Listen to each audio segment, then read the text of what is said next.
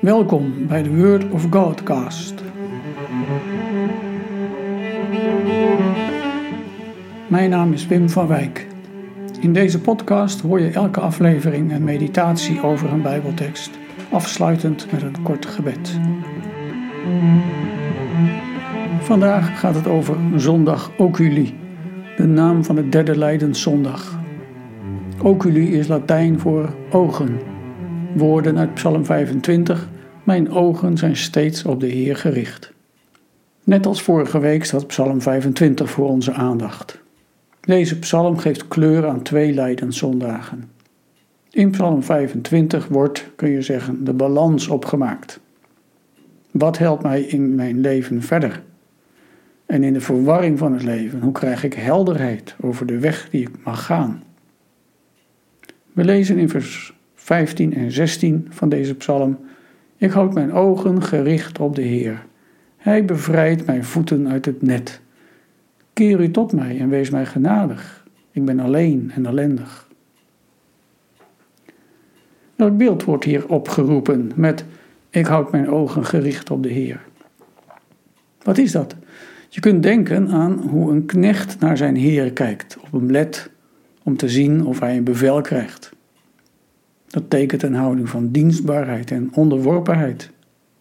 Zo kun je dat lezen in Psalm 123. Zoals de ogen van een slaaf de hand van zijn Heer volgen. Zo volgen onze ogen de Heer onze God, tot Hij ons genadig wil zijn. Een prachtig Bijbels beeld van onze positie ten opzichte van God. Eerbied, onderdanigheid, wachten op Zijn genade. Bij het beeld van opkijken naar omhoog kun je ook denken aan een kind dat aan de hand van vader naar hem opkijkt, vol verwondering, ontzag en vertrouwen. En je begrijpt, het een sluit het ander niet uit.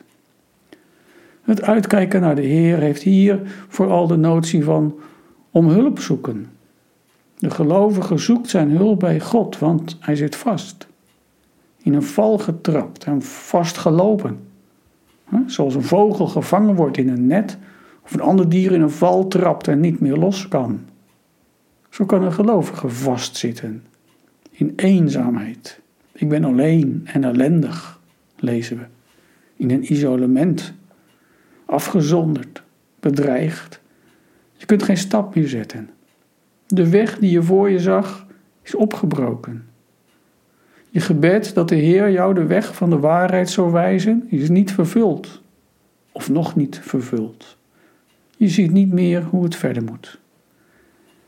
Je zit vast in een wirwar van vragen. Er komen zoveel dingen op je af die je uit balans brengen. Er komen allerlei meningen op je af die je in onzekerheid en verwarring brengen. En dan komt het gebed los. Heer, mijn ogen zijn steeds op u. Keer uw gezicht naar mij om.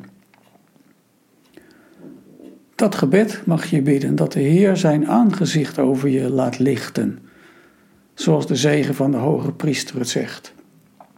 Want als God zijn gezicht laat zien, kun jij verder kijken op de weg die je mag gaan. Dat geldt voor de gelovigen van Psalm 25. Dat geldt voor jou vandaag.